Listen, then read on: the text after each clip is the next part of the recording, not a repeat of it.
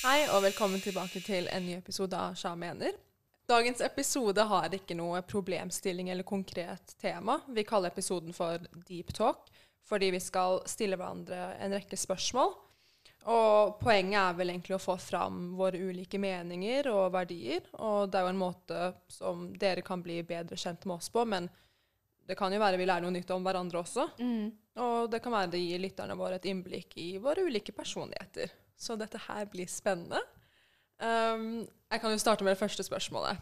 Og det er Hvis du kunne ha endret på noe i dagens samfunn, hva ville det ha vært? Jeg føler at det er et tungt spørsmål. Hvis jeg kunne endret på noe i dagens samfunn, og da tenker jeg nå 2020, og når vi går inn i 2021, så syns jeg egentlig det er bruk av sosiale medier og hvor uh, populært og stort det er blitt. Alle de ulike appene.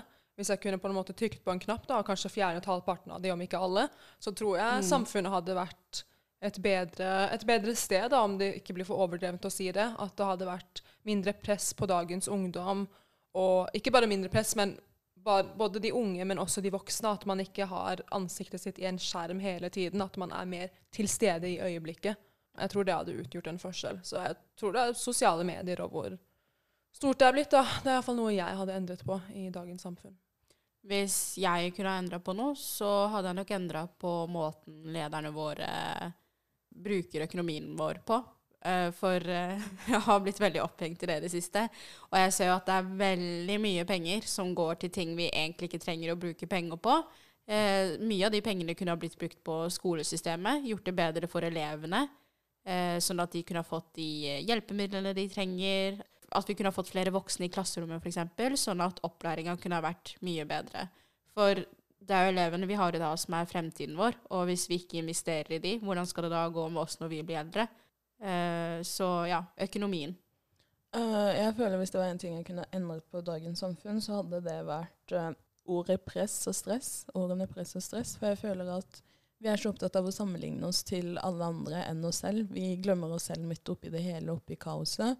Så jeg føler at det er så viktig å kunne ta det der eh, øyeblikket med å fjerne et par ting i livet. Og jeg føler det å fjerne stress og press hadde vært en ganske god hjelp til samfunnet. Når du sier det, så er det litt viktig, for jeg husker det var en gang i Burundi, hvor jeg ja, jeg skulle gå fra A til B, da, og så gikk jeg sammen med noen og, som var fra Burundi, som hadde bodd der hele livet. Og jeg er jo vant til å gå i et raskt tempo, for jeg er vant til at ting går raskt. At jeg må få gjort det, og så må jeg gjøre det, og så må jeg gjøre det. Så jeg gikk skikkelig raskt, og fyren jeg gikk med bare Hva er det du holder på med? Du må, du må slappe av. Hva er dette for noe? Så jeg, jeg er helt enig i det. Vi stresser altfor mye, og det er veldig sjelden man har tid til å sette seg ned og virkelig, virkelig slappe av. Mm. For i det sekundet man gjør det, så dukker det plutselig opp noe annet. For det som er så morsomt igjen, er hva er det man stresser med? Fordi tenk da, vi stresser så mye. Det her med utdanning og sånne ting, og midt oppi det hele så glemmer vi å leve livet. Og så Mm. befinner vi oss i Og det er jo så sagt at som menneske, du vet aldri når tiden din er her. Du vet aldri hva som kan skje de neste timene eller dagene eller månedene. Så noen ganger så glemmer vi Vi jobber oss i hjel og glemmer he helt det å leve her og nå, og være takknemlig for de rundt oss. Så Mm. når de først forsvinner, så er det sånn lange Facebook-innlegger og hele den pakka på uh, hvor trist det er å ha dem utenfor verden. Men igjen, hvor god tid brukte du når de faktisk var her, eller når du hadde den fem minutteren? Hvis du kunne ha endret på noe i systemet, hva ville det ha vært? Måten de styrer på? OK. Eh, beklager i forkant på om dette her blir litt, eh, litt langt. Men eh, jeg har jo lært noe nytt det siste året som jeg egentlig ikke hadde tenkt på før. Som jeg ikke hadde registrert, for det var ikke mitt problem, rett og slett. Eh, og det er vel hvordan ting kan fungere i arbeidslivet. Og hvis det er noe jeg kunne endret på i systemet, så hadde det vel vært Altså, la meg putte det slik. Jeg føler jo at dette her er en form for moderne korrupsjon. At vi har det i, det i Norge, til tross for at det er gode omstendigheter her. Og da refererer jeg veldig konkret til at uh, Altså, jeg har lært at når f.eks.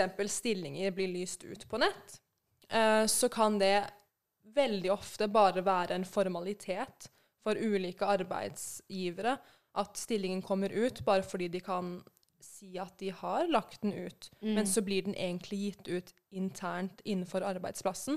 At arbeidsgiverne allerede vet hvem stillingen skal gå til. Men så legger de den ut likevel og starter intervjuprosessen for egentlig ingenting. da. Mm. Eller såpass, eh, hvis man skal dra det helt langt. Du hører jo om folk som eh, familie som ansetter familie, og folk som er i familie som jobber innenfor samme arbeidsplass.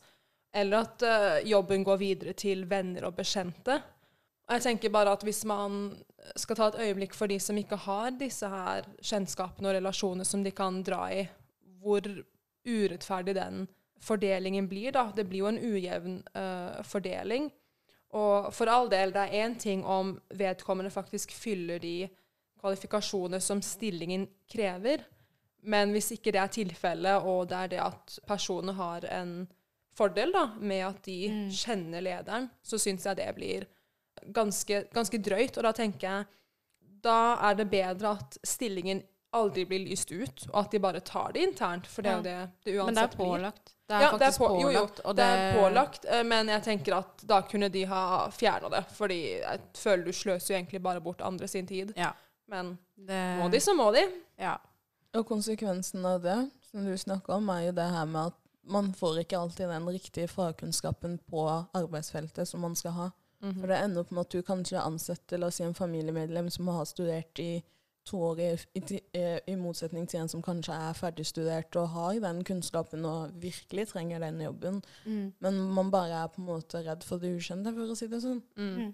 Og så er det jo trist da, for de optimistiske eh, jobbsøkerne som søker og drar på intervju og ikke sant, opplever at de har blitt godt tatt imot på intervjuet og føler at de har funnet tonen, og så får man den kjipe telefonen om at de ikke har fått den stillingen. Så viser det seg da at den stillingen har blitt gitt til en annen som de kjenner. Det er jo dritkjipt, og det her har, jeg har visst om det her lenge, så det kom ikke, det kom ikke som et sjokk for meg, eh, Mm. for å si det sånn. Jeg håper at det er noen der ute som kan gjøre noe med det her, da. For det, jo, skal absolutt ikke være sånn. Eh, hvis jeg kunne endra på noe eh, i systemet, så hadde det selvfølgelig vært systematisk eh, rasisme. Jeg tror ikke jeg trenger å utdype det. Mm. Men uh, det har vi absolutt ikke behov for. Og jeg syns det er bra at det har blitt, uh, har blitt satt et uh, søkelys på det nå i det siste, og at folk endelig begynner å ta tak i det. Og jeg syns det er utrolig tøft og kult at folk våger å stå frem i media når sånne ting skjer. Jeg tenker at vi Dette er jo bare starten, og vi er jo på god vei, men det er fortsatt mye som må og skal gjøres.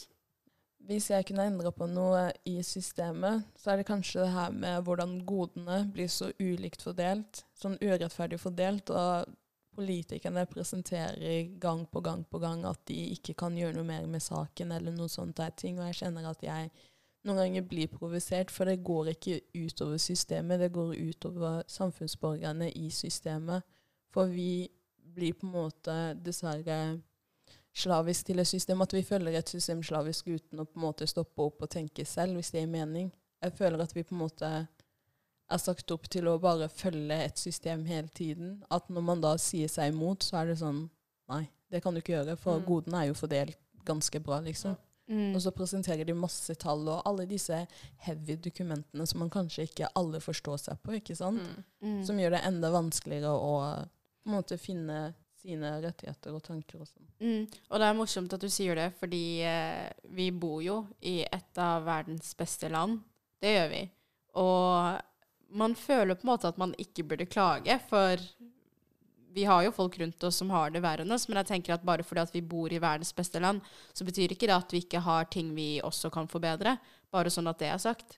Um, et annet spørsmål som kan være litt interessant å, for lytterne der ute, er å høre om det var noe du skulle ønske at du gjorde annerledes i løpet av din skolegang. Jeg skulle ønske at jeg kanskje hadde endret min tankegang angående enkelte ting. Jeg føler Jeg satte jo ikke pris på det å være barn og på ungdomsskoleperioden og barneskolen. Man vet jo ikke hva man har før det er vekke.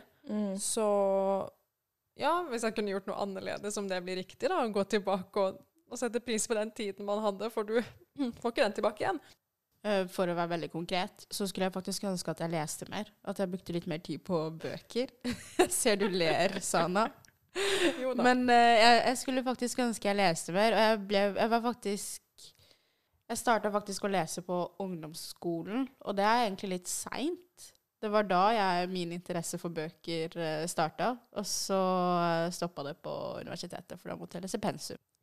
For meg hadde det nok vært å ha et sunt forhold til skolen, rett og slett. For jeg hadde så usunt forhold til skolen fra barneskolen til, eh, til nå, liksom. Det å hele tiden skal gjøre det så bra og sånne ting, og det, jeg føler det er så usunt at det eh, gjorde at jeg på en måte da presisterte ikke slik jeg egentlig ville eller ønsket, da. Fordi du stressa med å få det bra til, eller? Ja, på grunn av at jeg la vekt i at jeg skal være best i alt, og Mm. det ødelegger. Mm. For jeg hadde ikke på en måte sunt, hadde hatt et sunt forhold og samtidig skulle være best i alt, så hadde det vært mer at jeg da hadde gjort noe for gøy. Mm. Men jeg gjorde det for at jeg skulle få det og det og det. Mm. Og det er ikke alltid det lønner seg å tenke sånn, for det sliter en psykisk. Mm. I hvert fall det gjorde det med meg. Men uh, ja, jeg tror det er mange som kan kjenne seg igjen i det, altså. Um, er det noe du skulle ønske at en voksen kunne ha fortalt deg i løpet av din skolegang? Pust, ikke Ja. stress. Jeg føler de eldre Det kommer an på okay, hvor voksen snakker vi om. For mange av de eldre eldre liksom hadde sagt å, det her er ingenting, og skolen Vi hadde det mye mer hardere. Jeg gikk til og med på skolen på søndager og sånne ting. Men man får ikke de derre som jeg f.eks. gir til mine mindre søsken. Da, det med å ta et steg tilbake og finne ut hva man virkelig ønsker å gjøre i livet. og gjør ting for seg selv ikke for andre. For det er til syvende og sist deg som ender opp med denne utdanningen eller dette livet for resten av livet ditt, liksom. Jeg skulle ønske noen kunne ha sagt de ordene til meg, at de valgene du tar nå, er med deg resten av livet ditt. At det ikke bare er noe valg du tar for å ta. Helt ærlig, dette er veldig konkret, og jeg tror jeg har sagt det til dere før for mange år siden, men nå er jeg ja, konkret som i Nå tenker jeg på videregående, da, de tre årene. Mm. Jeg visste ikke uh, Jeg vet ikke om jeg måtte få det inn med en teskje, men jeg visste ikke at de karakterene i VG1 kom til å forfølge oss for resten av livet, eller når vi skulle søke utdanning videre. Og jeg skulle ønske at en voksen kunne ha forklart det til oss, for det tror jeg aldri de gjorde. At de sa det at OK, folkens, nå må dere prestere i disse fagene, fordi karakteren dere får, det kommer til å være med dere. Og, og det skulle jeg ønske at de gjorde, for da hadde jeg blitt mer bevisst over det og gitt en innsats fra, fra starten. Uh, at det kunne ha hjulpet med motivasjonen min, for den var egentlig vekke i VG1. Så hadde det ikke blitt så, så mye press på karakterene i VG2 og VG3, da. Mm. Så ja. Men du er faktisk ikke den eneste som har sagt det. Jeg, jeg har faktisk vært i samtale med noen som har sagt akkurat det samme. Og da sa jeg at Men jeg som den eh, pliktoppfyllende eleven jeg er, visste jo alt det her. Jeg, jeg, jeg visste jo jeg visste jo at de, det her, sånn som i naturfag og engelsk, jeg visste jo at det var avgangskarakterer. Men jeg tenker at her kunne, her kunne rådgiverne eksempel brukt rollen sin mye bedre. For hvor ofte så vi egentlig til rådgiverne? Aldri. Ikke sant? Og jeg visste det her fordi jeg måtte søke det opp selv. Det var ingen som Mm. fortalte det til meg. Skjønner du? Mm. Og det er jo veldig synd da for alle de andre som ikke, som ikke fikk det med seg, og som kanskje ikke var like motiverte. For det, det får jo konsekvenser, ikke sant? Så jeg syns at flere voksne de burde bruke, bruke stemmen og, og ta, ta ordentlig tak i akkurat det her. For det, det med skolegang er så viktig. Jeg husker jo da jeg bytta språkfag på videregående, husker dere det? For jeg skulle ta jeg tenkte, Det var en periode jeg hadde lyst til å ta swahili som privatist, og fikk snakka med rådgiveren, og ja, ja, det var så greit, og reiv alle tyskbøkene mine. Og så kommer jeg en måned senere og bare Oi, ja, det går ikke an å melde opp til eksamen, for uh, swahili kan man ikke ta opp som privatist. Og jeg bare OK, og det her kommer du sier en måned etterpå. Wow. Heldigvis så var det Altså, en måned er jo mye, da, men jeg mista jo en måned med undervisning. Så uh, her må folk, uh, spesielt rådgivere på, på skolen, de må, de, de må virkelig begynne å, å være litt mer på. Mm. Og følge litt mer med. Yes. Det neste spørsmålet er Hva lærte du av å gå på universitetet eller høyskolen? Og ikke sånn pensum eh, og kompetanse og sånn, men av mennesker. Helt ærlig, uh, før jeg uh, startet på universitetet, så hadde jeg en ganske liksom Så liksom på disse foreleserne og Mm. Akademikerne si. med stjerner i øynene og bare oh. Og så begynte jeg, og så OK. Jeg kan si at eh, etter tre år på universitetet så lærte jeg jo det at OK, bare fordi du har en master og 15 år med erfaring, så er ikke det oppskriften på at du vet hva du gjør. Mm. Det er ikke en selvfølge. Um, Eller doktorgrad, for den saks skyld. ja, for den saks skyld. Mm. Um, det betyr ikke at du kan arbeidet ditt, og jeg fikk eh, Jeg følte jeg og flere i klassen min satt igjen med et inntrykk om at altså at foreleserne og de ulike folka løp rundt da, og ikke helt hadde verken samarbeid med hverandre eller styr på Mm. hva det var de skulle få fram og gjøre. Mm. Og det syns jeg er ganske overraskende, fordi du, du har jo gått og tatt deg en utdanning og opparbeida en viss kompetanse, og så har du veldig mange år med erfaring. Det hadde iallfall våre forelesere. Og da blir det litt sånn Hva er det du har gjort alle disse årene? Burde ikke kvaliteten være litt, litt sterkere? Mm. Um, og det var egentlig det jeg lærte, da, at jeg må ikke se på folk med høyere utdanning med liksom måneøyne, fordi det er ikke en selvfølge på at de er sykt smarte mennesker som kan peke deg i riktig retning. Um, Mm. Nå Jeg var, jeg- jeg var også litt sånn at jeg, da jeg startet på universitetet, jeg bare Yes, det her Her har du system i sakene sine. Her skal alt gå fint, og det her blir bare bra. Og så kommer vi, og fakultetene har ikke De snakker ikke. Det er null kommunikasjon. Samarbeidet er så dårlig, og det er sånn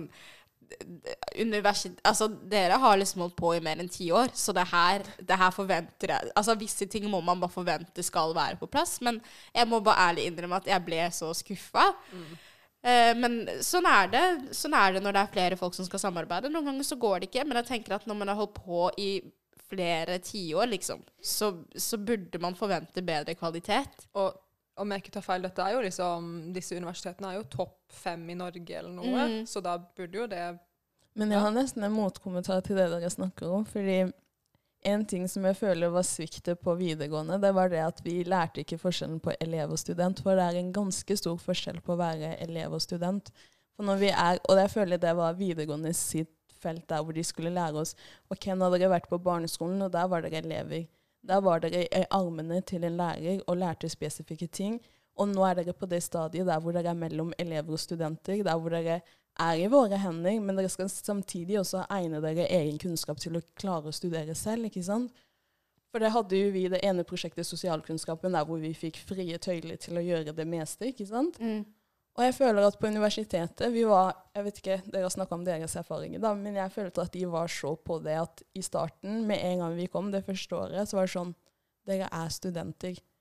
Vi vet ikke alt. Dere er her for å undersøke, og vi er nesten på lik linje. Så du kan lære meg noe, og jeg kan lære deg noe. Vi er her for å finne ut av ting sammen. Og de studerte ved siden av mange av de professorene, så de snakka om ting basert på de bøkene som vi også skulle lære oss. Mm.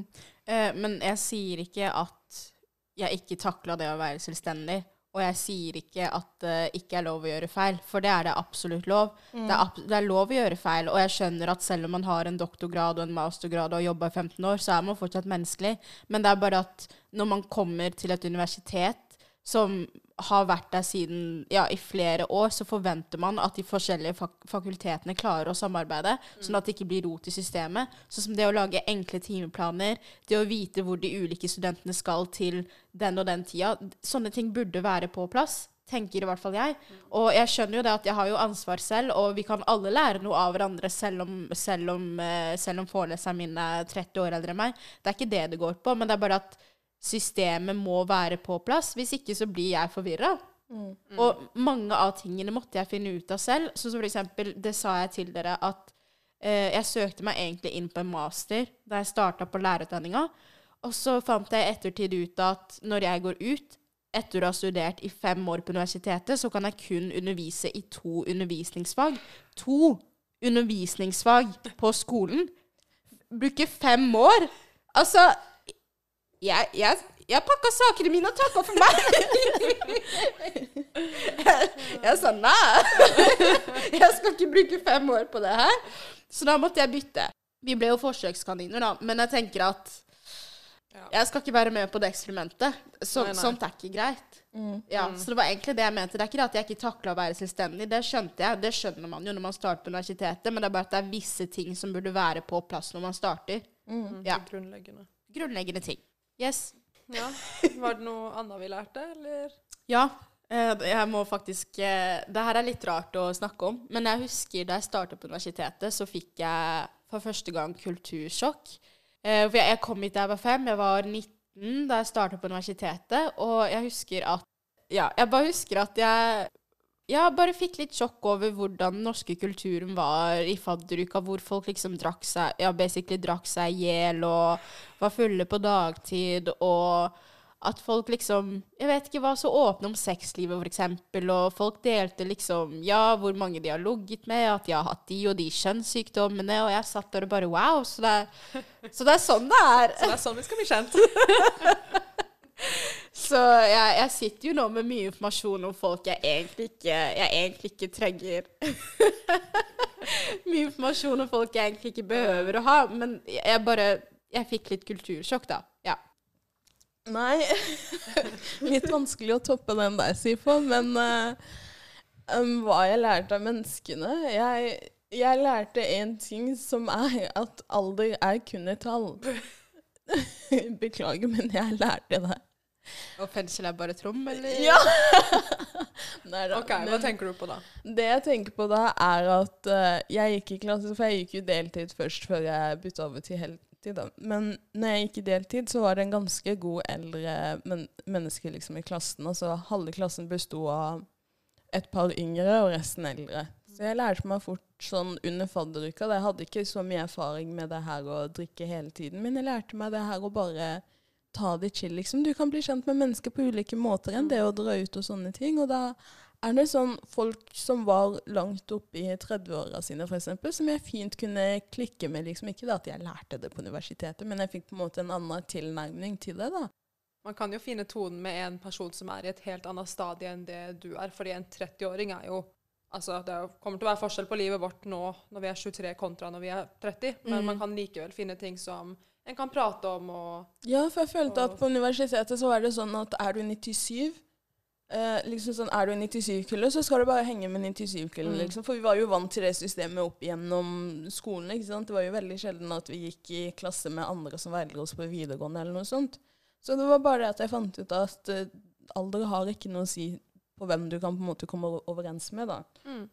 Um, og når vi snakker om mennesker og det her med relasjoner til mennesker, da, så har jeg et spørsmål til dere jenter. Hva er en god venn? Eller hvordan skal en god venn være? Jeg har jo en eh, veldig sterk formening om det. Jeg har bare fem venner, men eh,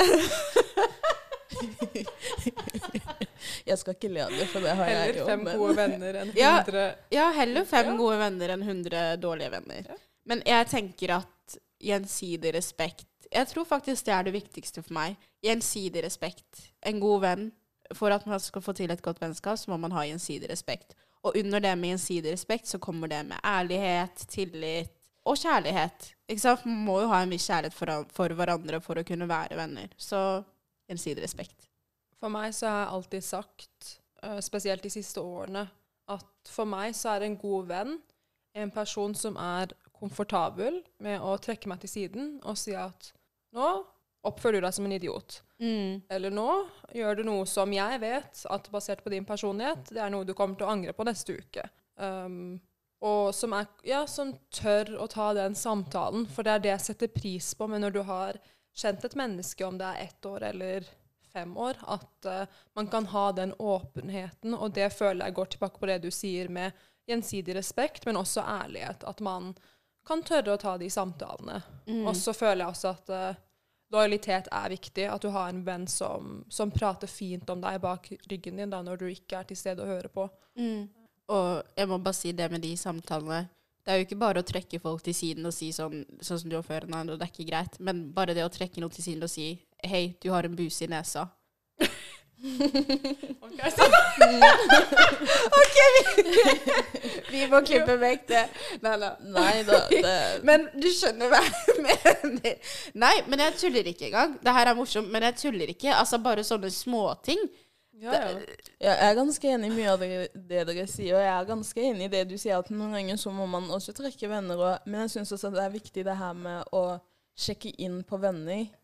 Å, Det der at man spør sånn Hei, går det bra? At det ikke blir Fordi man kan ha et vennskap med alle disse punktene, ikke sant? Og lojalitet og ærlighet, tillit og hele den pakka. Mm. Men det er noe med det at når man er en venn, så bryr man seg. ikke sant? Man bryr seg det lille ekstra enn det kanskje andre vanligvis ikke gjør. Mm. Og for meg så spiller det en ganske stor rolle, fordi jeg er sånn stressa person, liksom. Jeg stresser over alt og hele pakka. Så når jeg føler at det blir mye, så pleier jeg alltid å trekke meg tilbake og lukke gardinene.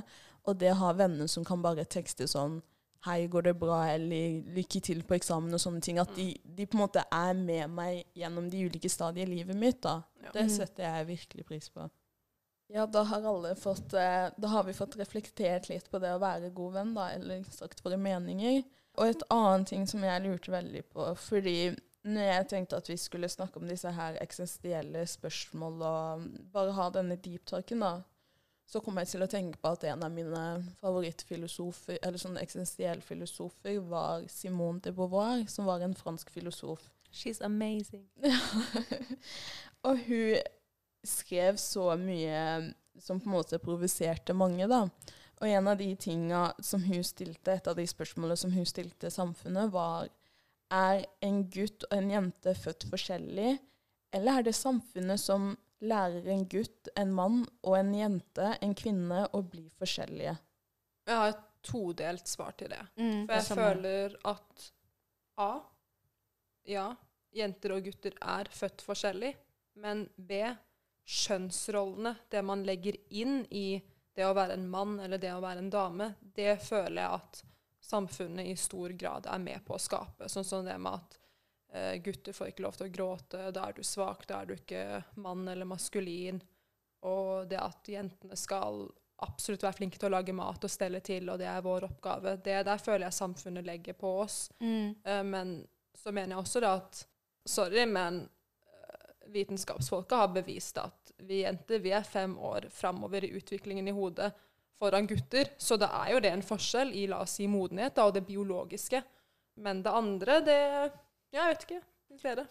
Jeg er jo enig i det du sier. Biologien bak det hele det er jo ikke noe vi kan diskutere, for det er noe som er bevist. Jenter og gutter er forskjellige, enten vi vil det eller ikke. Men som Sana så fint sa, det er jo samfunnet som påvirker oss.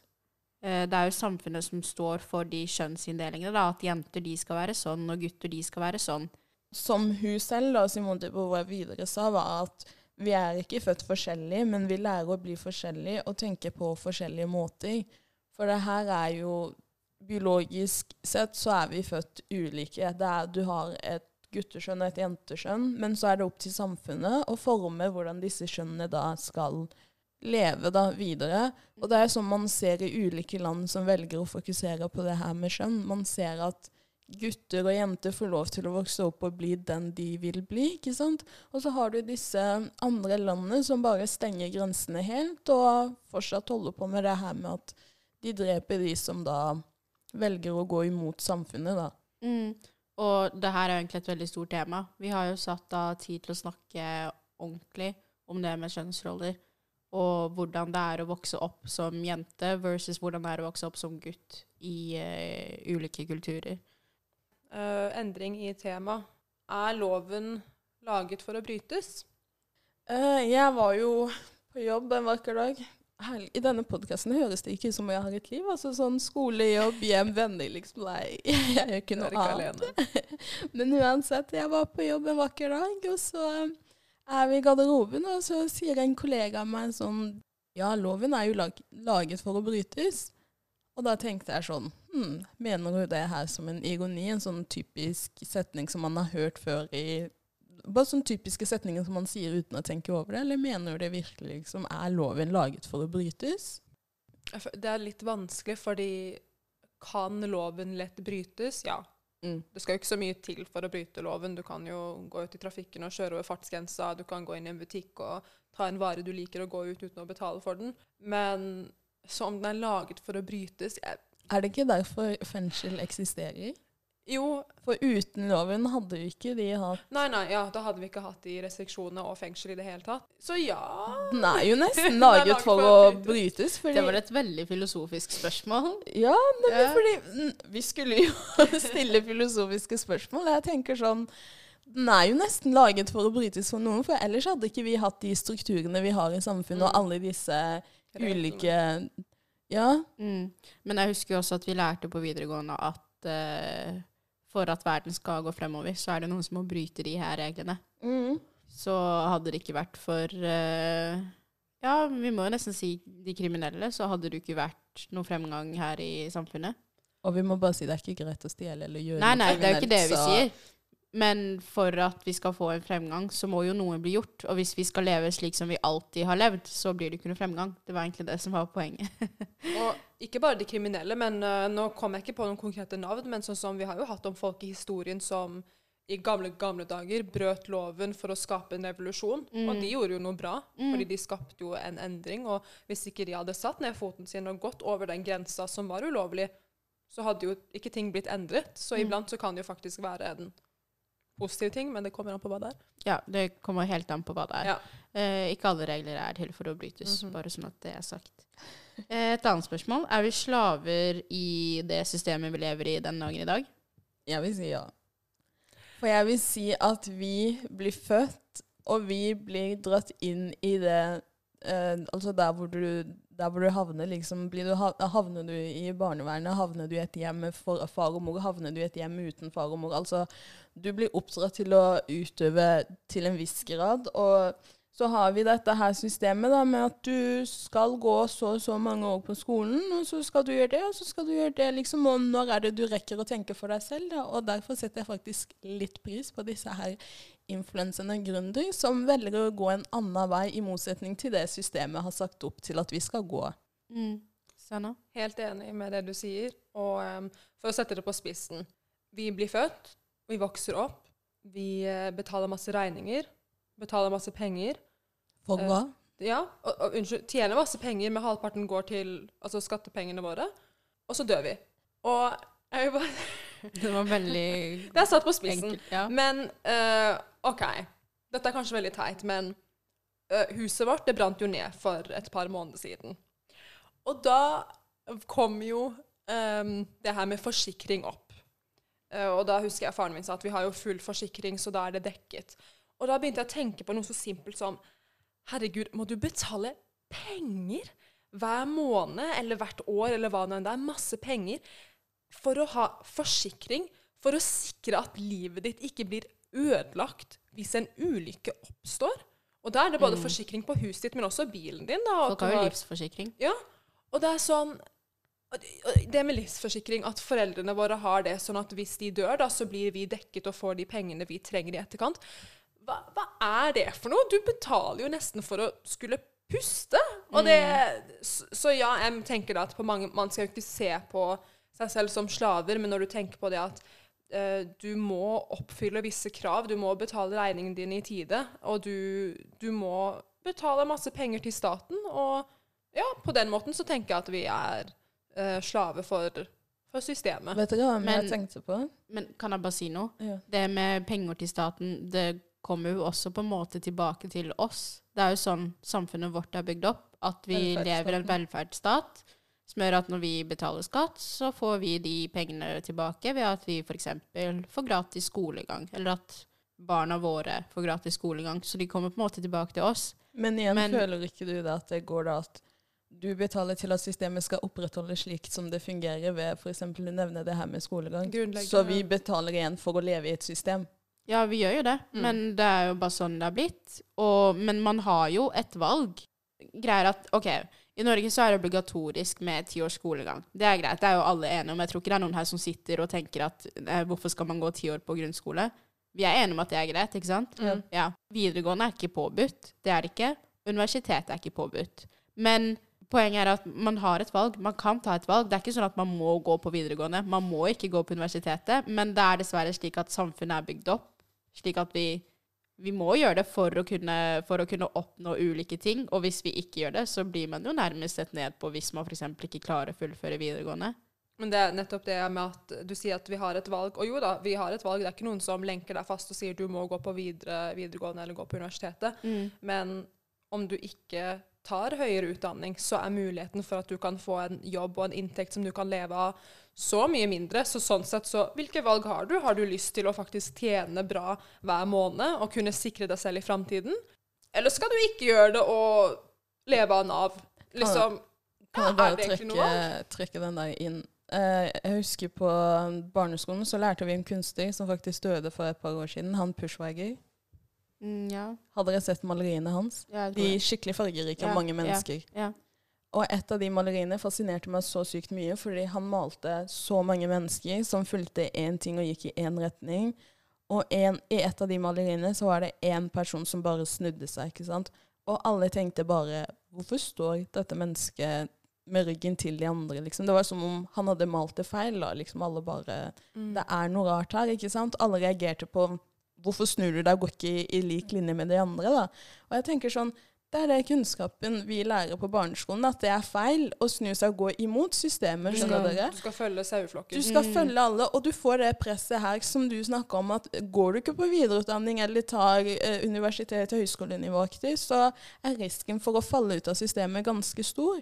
Og det ser vi jo under denne koronaperioden, hvor mange Mm. influensere og gründere som gikk konkurs og måtte da, eller mista en god del av inntekten sin, og måtte ja. da tilbake Noen av de var så heldige som hadde noe sånn i bånden, av sykepleiere f.eks., og de dro jo tilbake og hjalp til der hvor de kunne hjelpe, da, men da fikk de en inntekt for det. Og det er det jeg tenker at systemet er bygd opp til at vi følger det slaviske uansett hva. Ja. Mm. Og det er trist å tenke på. ja. Mm. Um, men jeg tror ikke, jeg tror ikke slav, om vi er slaver, jeg tror ikke det er det riktige begrepet å bruke. Nei, det er for- det ikke. Nei, det er vi ikke. Men vi, vi er en saueflokk, da.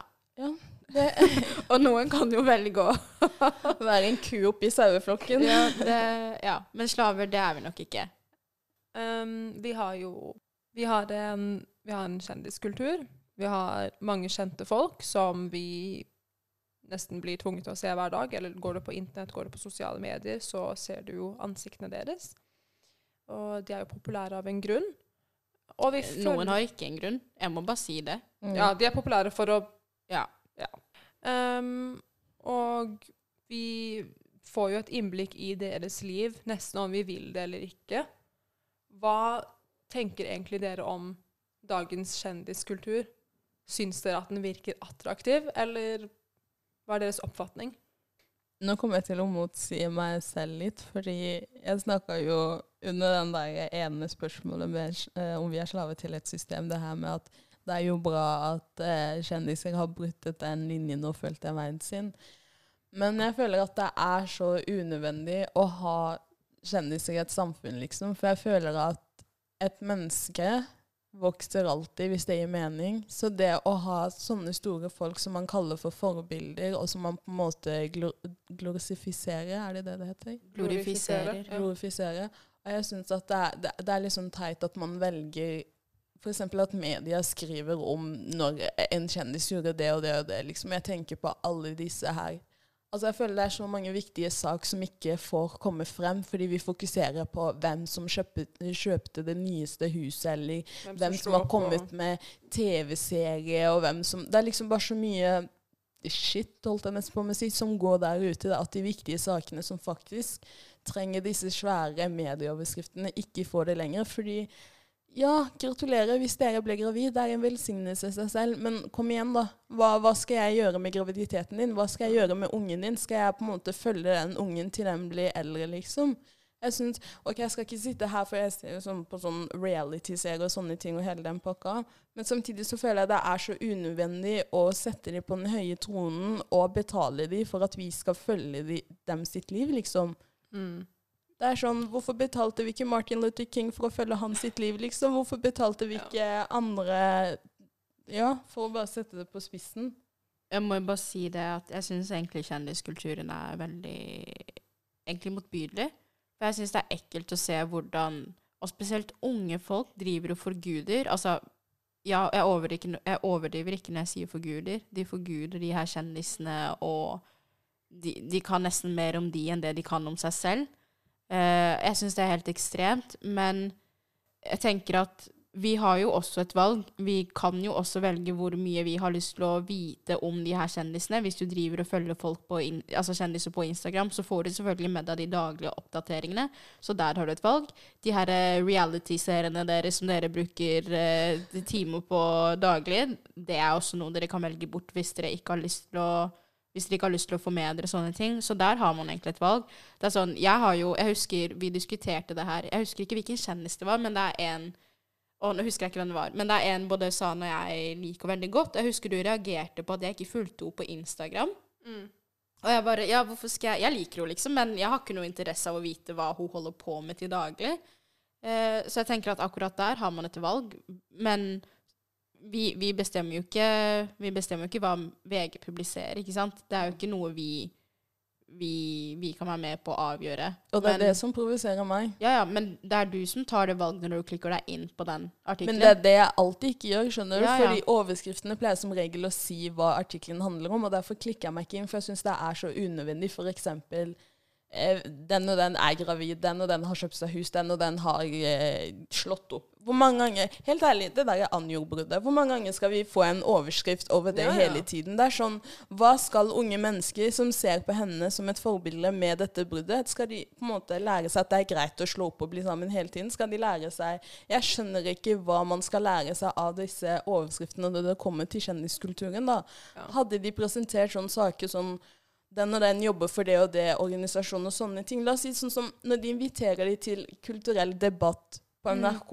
det er Sånne det som ting. er interessant. Ja, det er det jeg digger. Det er det jeg elsker når de blir satt på spissen og, og blir stilt spørsmål sånn Hvorfor gjør du det du gjør? Men det er det vi får veldig lite av det. Vi får det sånn kanskje en gang i året, og så er det over. At de stiller alle, de, eh, de fleste kjendiser i et rom og ber dem om å diskutere eller debattere om et tema. da. Mm. Og det er det jeg synes er så trist, at fokuset på kjendiskulturen blir så feil. For de har så mye makt Mm. som de misbruker.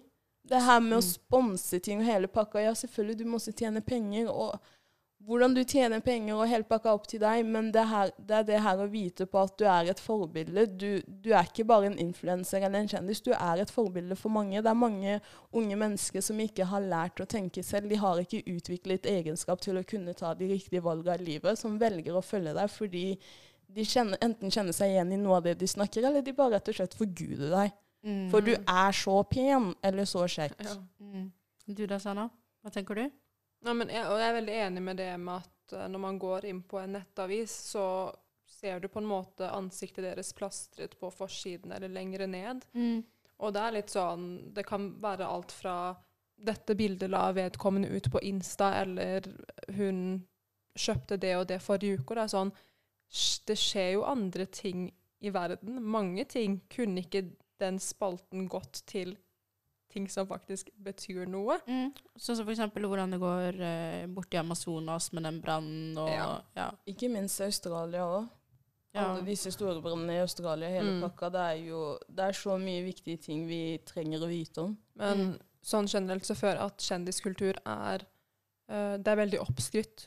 For på én side, det er jo veldig materialistisk. De har så mange store og fine ting og så mange muligheter. Men hvis du graver litt og følger litt med, så ser du at det er jo egentlig bare Masse av det er jo en fasade Mm. og sterke lys, og du vet jo ikke hvordan de har det bak lukkede dører. Um, Men, og, men det gjelder jo ikke bare kjendisene. Det gjelder jo også oss også på sosiale medier. Mm. Ting vi Mm. velger å dele og ikke dele. mm, Du ser Ja, det er veldig sjelden du ser Du får sett hvordan folk egentlig har det, da.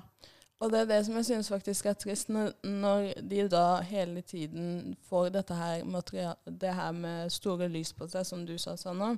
Så tenker jeg sånn En god del av kjendiser har jo De har knekt sammen fordi de føler at folk ikke har sett hvem de virkelig er. mm. Og da begynner de å bruke sine følelser som en argumentasjon på at jeg er et menneske, jeg òg, jeg går igjennom ting. Og da tenker jeg sånn Ja, men hvorfor bruker du ikke plattformen din til å nøytralisere livet ditt? Mm. Hvorfor Du kan ta bilder av diamanter i hånda samtidig som du griner, liksom.